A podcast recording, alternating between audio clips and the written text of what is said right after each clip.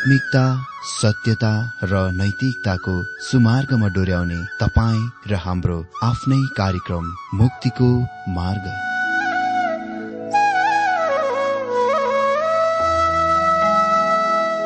आदरणीय श्रोता यस मुक्तिको मार्ग कार्यक्रममा हार्दिक स्वागत छ।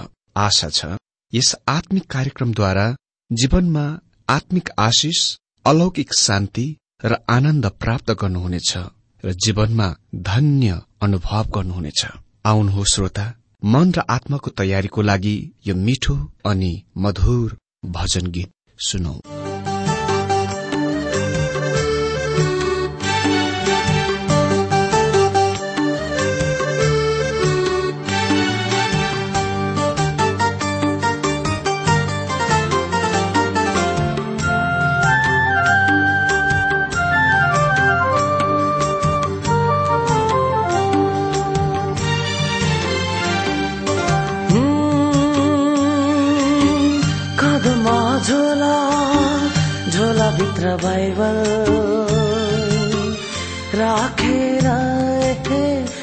एकान्छ हिँडा। एकान्छ हिँडा।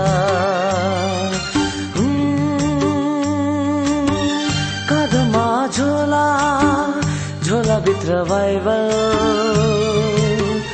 राखेर एकान्छ हिँडा।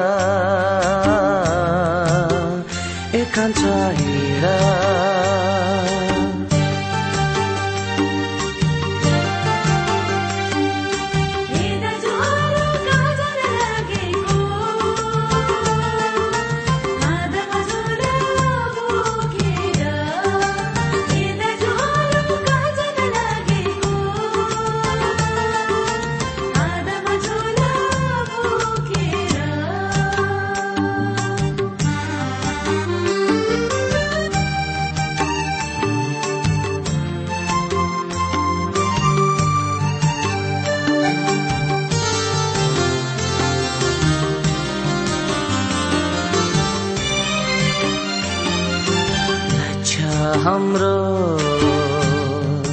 क्रिसको महान ज्ञान पुरो गर्न हो। लक्ष्य हाम्रो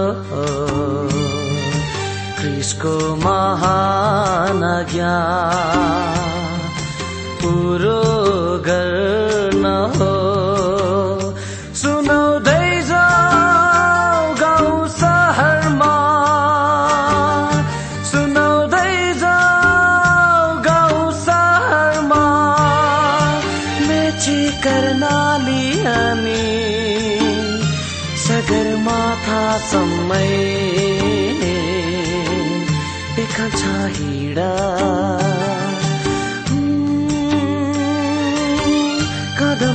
झोला झोला भित्र बाइबल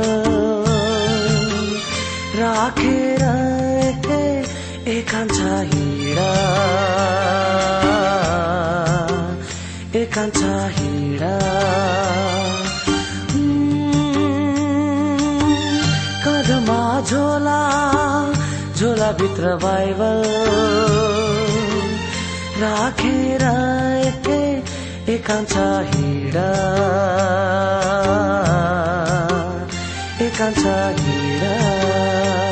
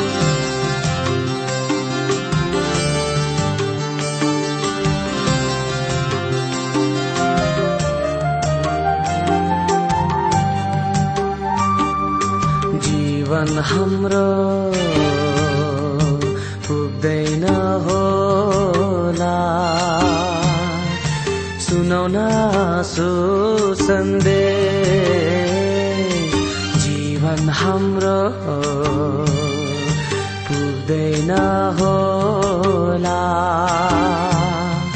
सुनाउन सन्देश।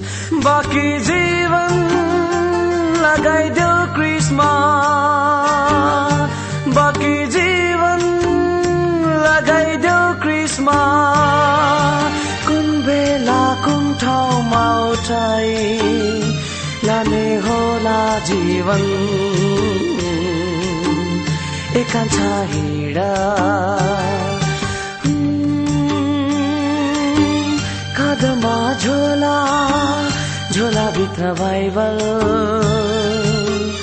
राखेर एके एकान्छ हिँडा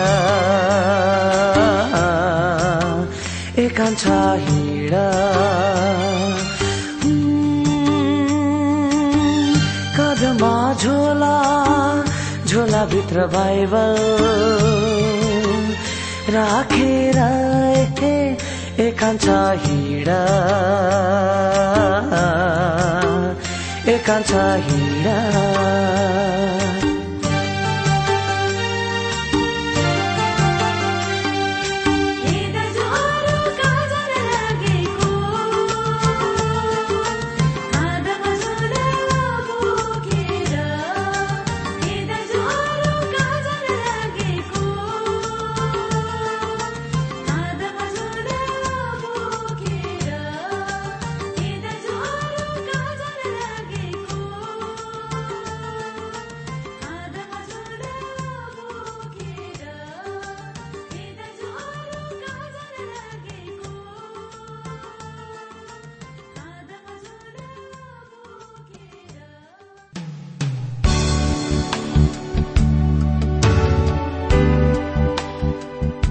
प्रिय श्रोता यो प्रसारण मार्फत यो अवगत गराउन चाहन्छौ कि प्रभुको सेवाको लागि यहाँहरूको साझेदारी नित्यन्त आवश्यकता छ। यहाँहरूले प्रार्थनाको साथसाथै आर्थिक सहायता गर्न अनुरोध गर्दछौ। तपाईँहरूको सानोभन्दा सानो भेटी किन नहोस्? हामी प्रभुको नाममा स्वीकार गर्नेछौ प्रभुको सेवाको लागि। तपाईँहरूको यो सानो लगानीले कसैको जीवनमा भिन्नता ल्याउँछ अनि प्रभुको महिमा हुन्छ। प्रभु तपाईँहरूलाई महान गरी आशिष दिनुहुनेछ। इच्छुक श्रोताहरूले तपाईँको इच्छा भेटी हाम्रो ठेगानामा पठाउन सक्नुहुन्छ जुन ठेगाना हामी कार्यक्रमको अन्तमा दिनेछौ। प्रिय श्रोता मित्र प्रभु येशु ख्रिस्टको मधुर अनि सामर्थ्य नाममा मेरो जयमसी अनि नमस्ते। धेरै धेरै धन्यवाद। तपाईँहरूले निरन्तर रूपमा हाम्रो कार्यक्रमलाई सुनेर आफ्नो बहुमूल्य सुझावहरू पत्रको माध्यमद्वारा एसएमएसको माध्यमबाट फोनको माध्यमबाट दिइरहनु भएको छ।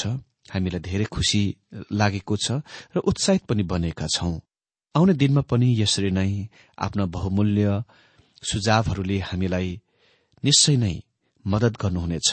हामी त्यसको आशामा रहनेछौ अनि धेरै धेरै धन्यवाद तपाईँहरूका उपहारको लागि तपाईँहरूको दानको लागि।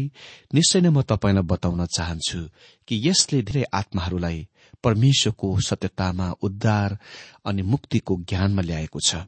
अनि यसको निश्चय नै एक दिन तपाईँ परमेश्वरको त्यो परिणाम इनाम प्राप्त गर्नुहुनेछ।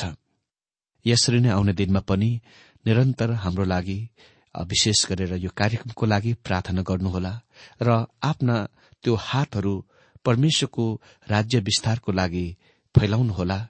निश्चय नै परमेश्वरले तपाईँ तपाईँको परिवार तपाईँको कार्य हरेक क्षेत्रमा आशिष दिनुहुनेछ। हुन्छ श्रोता अब आजको बाइबल अध्ययनतिर हामी प्रवेश गरौं।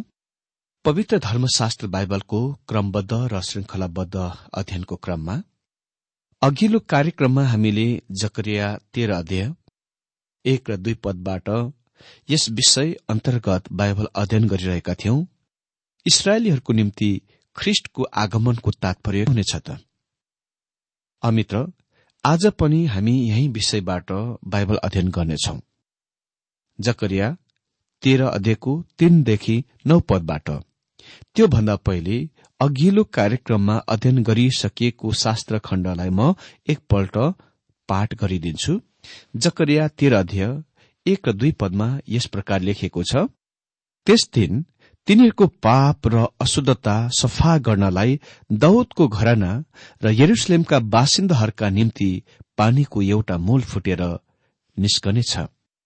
सर्वशक्तिमान परमप्रभु भन्नुहुन्छ म त्यस दिन देशबाट देवताहरूको नौ निशा नै मेटिदिनेछु र तिनीहरूको सम्झना नै हुने छैन। अगम वक्ताहरू र अशुद्ध आत्मालाई पनि देशबाट म निकालिदिनेछु। मित्र यो सबै कुरा हजार वर्षीय राज्य युग अवधिमा थान लिनेछ त भविष्यवाणी अहिलेसम्म पूरा भएको छैन। जकरिया तेह्र अध्यायको तीन पदमा यस प्रकार लेखिएको छ अनि अझै कसैले अगमबाड़ी कह्यो भने त्यसलाई जन्माउने बाबु आमाले त्यसलाई भन्नेछ त मर्नै पर्छ किनभने तैले परमप्रभुको नाउँमा झुट्टा बोलेको छस्। त्यसले अगमबाड़ी बोल्दा त्यसलाई जन्माउने बाबु आमाले त्यसलाई वारपार घोचिदिनेछन्। यो अति नै कठोर भाषा जस्तै देखाइ पर्दछ। तर त्यो दिन आइरहेको छ जब परमेश्वरका सन्तानहरूले उहाँलाई पहिलो प्राथमिकता दिन पहिलो स्थान दिन गइरहेका छन्। जब उहाँ पहिलोपल्ट आउनुभयो यो पृथ्वीमा तिनीहरूले उहाँलाई धोका दिए विश्वासघात गरे। अनि उहाँलाई हाम्रो दिनमा पनि अरू त के ख्रिस्ट भनाउँदाहरूले धोका दिइरहेका छन्। तर भविष्यको दिनमा तिनीहरू उहाँप्रति विश्वासयोग्य बन्न गइरहेका छन् यद्यपि तिनीहरूका आफ्नै छोराले गलत झुटो भविष्यवाणी कहे तापनि अनि चार पदमा यस प्रकार लेखिएको छ त्यस दिन हरेक अगमवक्ता आफ्नै अगमबाड़ीको दर्शनदेखि लजाउनेछ र धोका दिनलाई अगमभक्तले लाउने रौका लुगा त्यसले लाउने छैन। मित्र यहाँ दुई कुराहरू छन् जुन मेरो निम्ति चाकलाग्दो कुरा छन्। सर्वप्रथम जब प्रभु येशु आउनुहुन्छ झुट्टा भविष्य वक्ता आफ्नो छली दर्शनको लागि लज्जित हुनेछन्। तिनीहरू अपमानित हुनेछन् किनभने परमप्रभु आउनु भएको र तिनीहरू हरेकलाई झुट्टा बनाउनु भएको छ। यहाँ हामी दोस्रो कुरा के चाहिँ नोट गर्दछौ भने धोका दिनलाई अगम वक्ताहरूले लाउने रौका लुगा त्यसले लाउने छैन। मित्र अगम वक्ताहरूको कपडा चाहिँ बाख्राको छाला वा रौं ननिकालिएको ऊँटको छालाको वा त्यस प्रकारको बर्को हुन्थ्यो। जब यसौ जन्मथे शास्त्रमा भनिएको छ कि उनी यस प्रकारको शरीरमा नै रौँ नै रौँ भएका मानिस थिए। यस्तो लाग्दथ्यो मानौ उसले रौँको कपडा लगाउँदथे भुत्लाको कपडा लगाउँथे। एलिया भविष्य वक्ताले यस प्रकारको बर्को लगाउँथे। अनि त्यो नै बर्को आफ्नो चेला र चेला एलिसामाथि लगाइदिए खसाइदिए। त्यो त्यस्तो कपडा थियो जुनले कुनै मानिसलाई परमेश्वरको भविष्य वक्ताको रूपमा चिनारी दिँदथ्यो र झुट्टा भविष्य वक्ताहरू सत्य भविष्य वक्ताहरूको रूपमा बहाना बनाउने कोशिशको बारेमा दोषी महसुस गर्नेछन्। दोषी विवेकले सताउनेछ। देख्नुभयो जकरियाले केही त्यस्तो नयाँ कुराको परिचय गराइरहेका थिएनन् तर कुनै त्यस्तो कुराको परिचय गराइरहेका थिए जुन उसका दिनका मानिसहरूको निम्ति प्रसिद्ध चिरपरिचित थियो। पाँच पदमा लेखिएको छ त्यसले भन्नेछ म त अगमभक्त होइन तर किसान मात्र हुँ किनकि जवान अवस्थादेखि नै जमिनबाट मेरो जीविका चलेको छ। ती मानिसहरू जो झुट्टा भविष्य वक्ताहरू थिए तिनीहरू आफ्नो पहिलो खास पेसामा फर्किन्छन्। अर्का दुई पदहरू चाहिँ छक्कै पार्ने कथनहरू हुन्। वास्तवमा आलोचकहरूले त्यसलाई मूल ग्रन्थ सूचीबाट नामै निशाना नरहने गरिकन निकालेका छन् वा निकाल्न कोसिस गरेथे। किनभने तिनीहरू भन्छन् कि त्यो खास समयमा दिएको भविष्यवाणी देख्ने वा पत्ता लगाउने कुरा आश्चर्य उत्पन्न गराउने कुरा हो।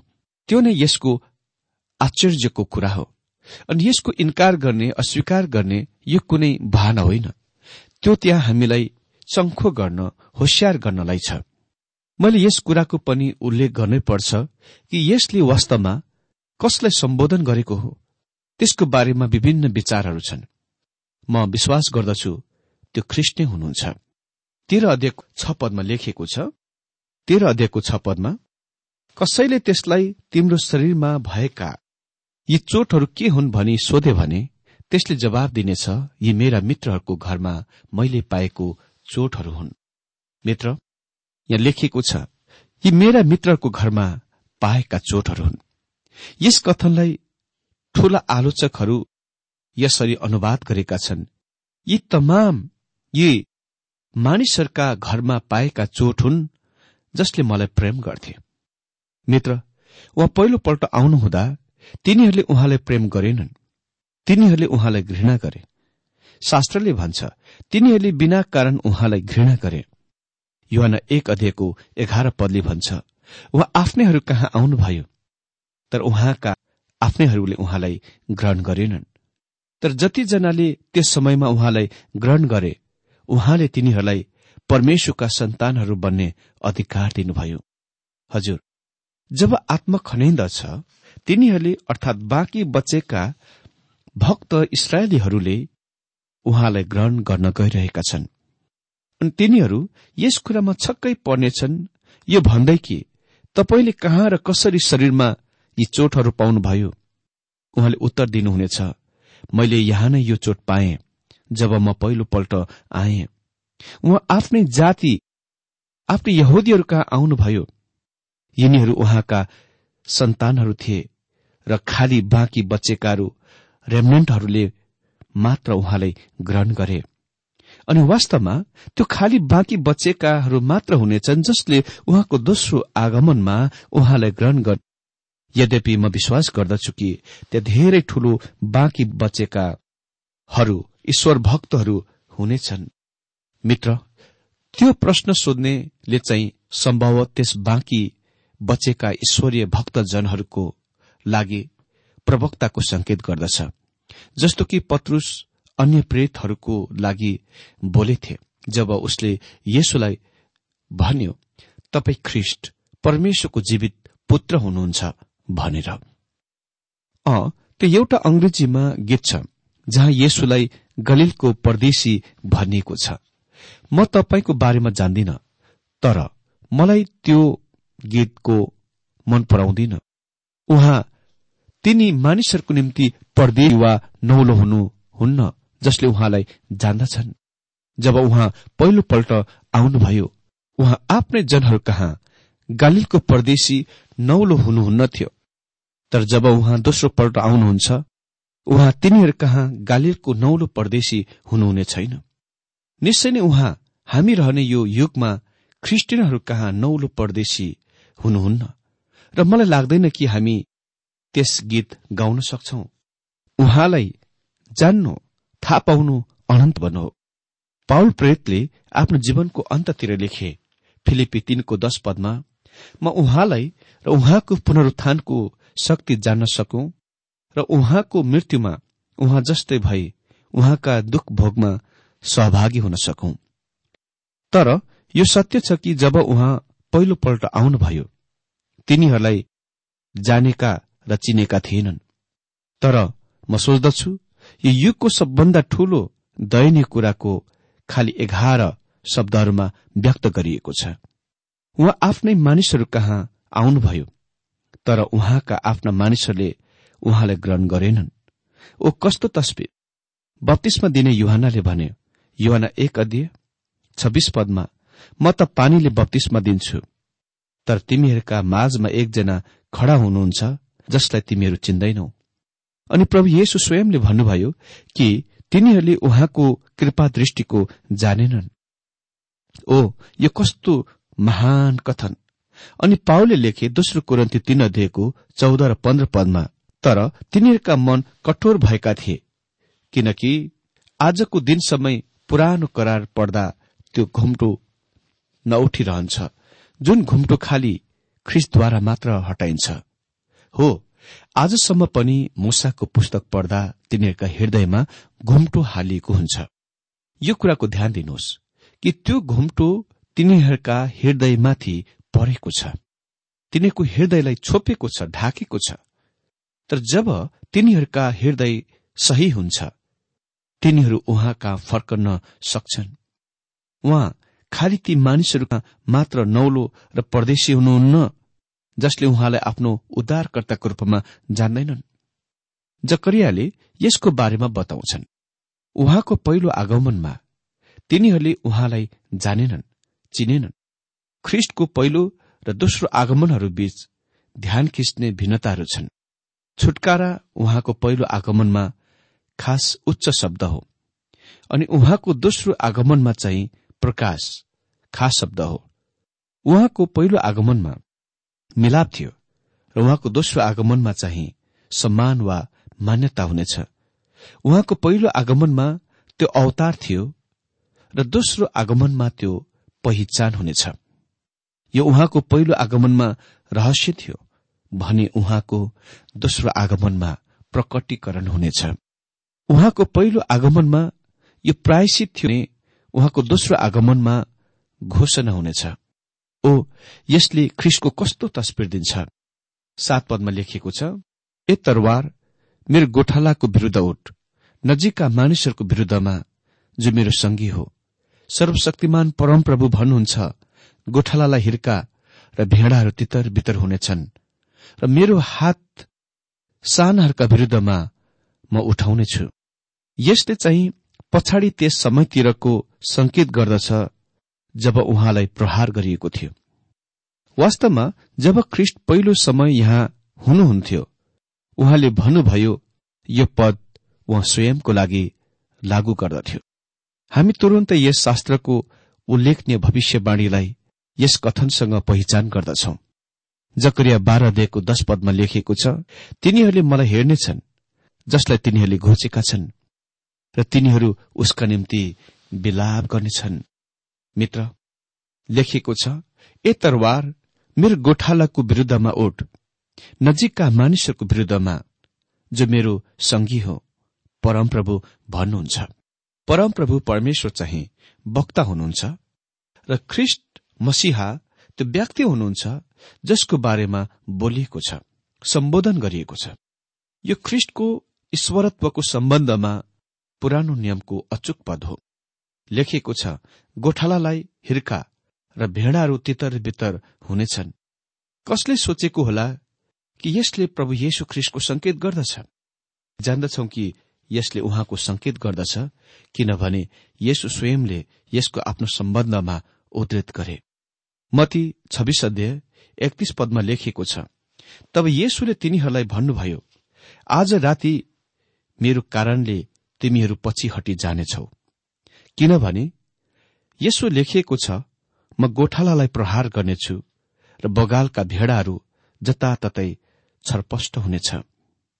देख्नुभयो उहाँले यसको आफ्नै स्वयंको लागि लागू बनाउनुहुन्छ।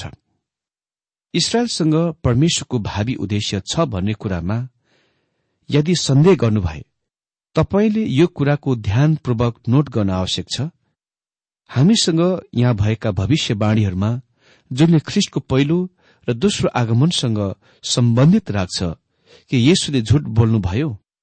उहाँ भन्नुहुन्छ करियाले उहाँलाई संकेत गरिरहेका थिए जब उसले भने गोठालालाई हिर्का र भेडाहरू तितर बितर हुनेछन्। अनि जब उहाँ दोस्रो पल्ट आउनुहुन्छ तिनीहरूले उहाँलाई सोध्नेछन् यी तपाईँका शरीरका चोटहरू के हुन्? अनि उहाँको उत्तर हुनेछ मैले यी चोटहरू मेरा मित्रहरूको घरमा पाएँ मेरो संघीहरूको घरमा पाएँ।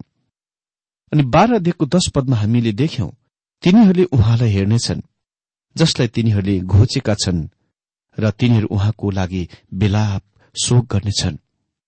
यो यहुदी मानिसहरूको लागि अति नै महान प्रायश्चितको दिन हुनेछ निश्चय नै यो भविष्यको दिनमा हुनेछ। अनि यो तेह्र अध्यायको अन्तिम दुई पदहरूले महान क्लेश अवधिको संकेत गर्दछ। तेह्र अध्यायको आठ पद लेखिएको छ परमप्रभु भन्नुहुन्छ समस्त देशमा दुई तिहाई मारिनेछन् र नष्ट हुनेछन् तापनि एक तिहाई चाहिँ छोडिनेछन्। त्यस एक तापनि एक तिहाई चाहिँ छोडिनेछन्। एक तिहाई छोडिनेछ। यसले उही बाँकी बचेका भक्त ईश्वरीय मानिसहरूको अर्थात रेमनेन्टहरूको संकेत गर्दछ। जसले यो प्रश्न सोध्नेछन् तपाईँका शरीरमा यी चोटहरू के हुन् के का हुन्? तिनीहरू महाक्लेशका त्रासहरू संकष्टकालीन अवस्थाबाट भएर बचेर आएका हुनेछन् जुनमा तिनीहरूका दुई तिहाई मानिसहरू नष्ट गरिएका छन्। नौ पदमा लेखिएको छ त्यस एक तिहाईलाई म आगोमा ल्याउनेछु चाँदी निखारे झै म तिनीहरूलाई निखार्नेछु र सुन जाँचे झै जाँच्नेछु। तिनीहरूले मेरो नाउँको पुकार गर्नेछन् र म तिनीहरूलाई जवाब दिनेछु। यिनीहरू मेरा प्रजा हुन् भनी म भन्नेछु र तिनीहरूले भन्नेछन् परमप्रभु हाम्रा परमेश्वर हुनुहुन्छ। के यो अद्भुत कथन होइन र? त्यहाँ कोही कोही छन् जसले ख्रिस्टको लागि खड़ा हुनेछन् साक्षीको लागि र उहाँप्रति विश्वासयोग्य हुनेछन्। तिनीहरूले महाक्लेश अवधि पार गर्नेछन् किनभने उहाँले प्रकाश सात अध्यय एकदेखि आठ पद अनुसार मोहर वा छाप लगाउनु भएको छ। त्यसपछि हामी फेरि प्रकाश चौध अध्यय एक अनि तीनमा देख्छौ। यहाँ यस प्रकार लेखिएको छ अनि मैले हेरे सियोन डाँडामा थुमा खड़ा हुनुभएको मैले देखेँ। उहाँको सातमा लाख चौवालिस हजार थिए जसका निधारमा उहाँको नौ र उहाँको पिताको नौ लेखेका थिए। सिंहासनको र ती चार जीवित प्राणीहरूका र धर्मगुरूहरूको अगाडि तिनीहरूले एउटा नयाँ गीत गाउँदथे।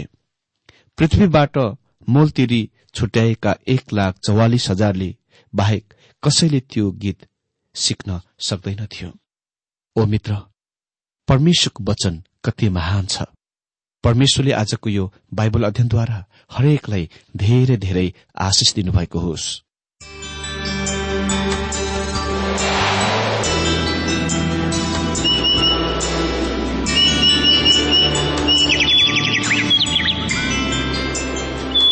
प्रिय श्रोता अहिले भर्खरै तपाईँले टीडब्ल्यूआर नेपालद्वारा सञ्चालित आत्मिक कार्यक्रम मुक्तिको मार्ग सुनिरहनु भएको थियो। श्रोता आजको यो कार्यक्रम सुनेर तपाईँलाई कस्तो लाग्यो? यदि यो कार्यक्रम सुनेर मनमा कुनै खुल्दुली वा कुनै प्रतिक्रिया अर्थात सुझावहरू छन् भने हामीलाई पत्रद्वारा लेख्न सक्नुहुनेछ। हामी हृदयदेखि नै स्वागत गर्नेछौ स्वीकार गर्नेछौ साथै बाइबल सम्बन्धित प्रचारहरू कार्यक्रम सारणीहरू हामी अनुरोधमा पठाउन सक्छौ। अनि तपाईँसँग कुनै प्रार्थनाको विषय छन् भने हामीले तपाईँको लागि प्रार्थना गरेको चाहनुहुन्छ। चाहनुहुन्छ भने प्रभुमा आफ्नै परिवार सम्झेर हामीलाई पत्रमा लेख्न सक्नुहुनेछ। तपाईँको लागि हामी प्रभु येशुसँग प्रार्थना गर्नेछौ। अधिक जानकारी र पत्रचारको लागि हाम्रो ठेगाना यस प्रकार छ।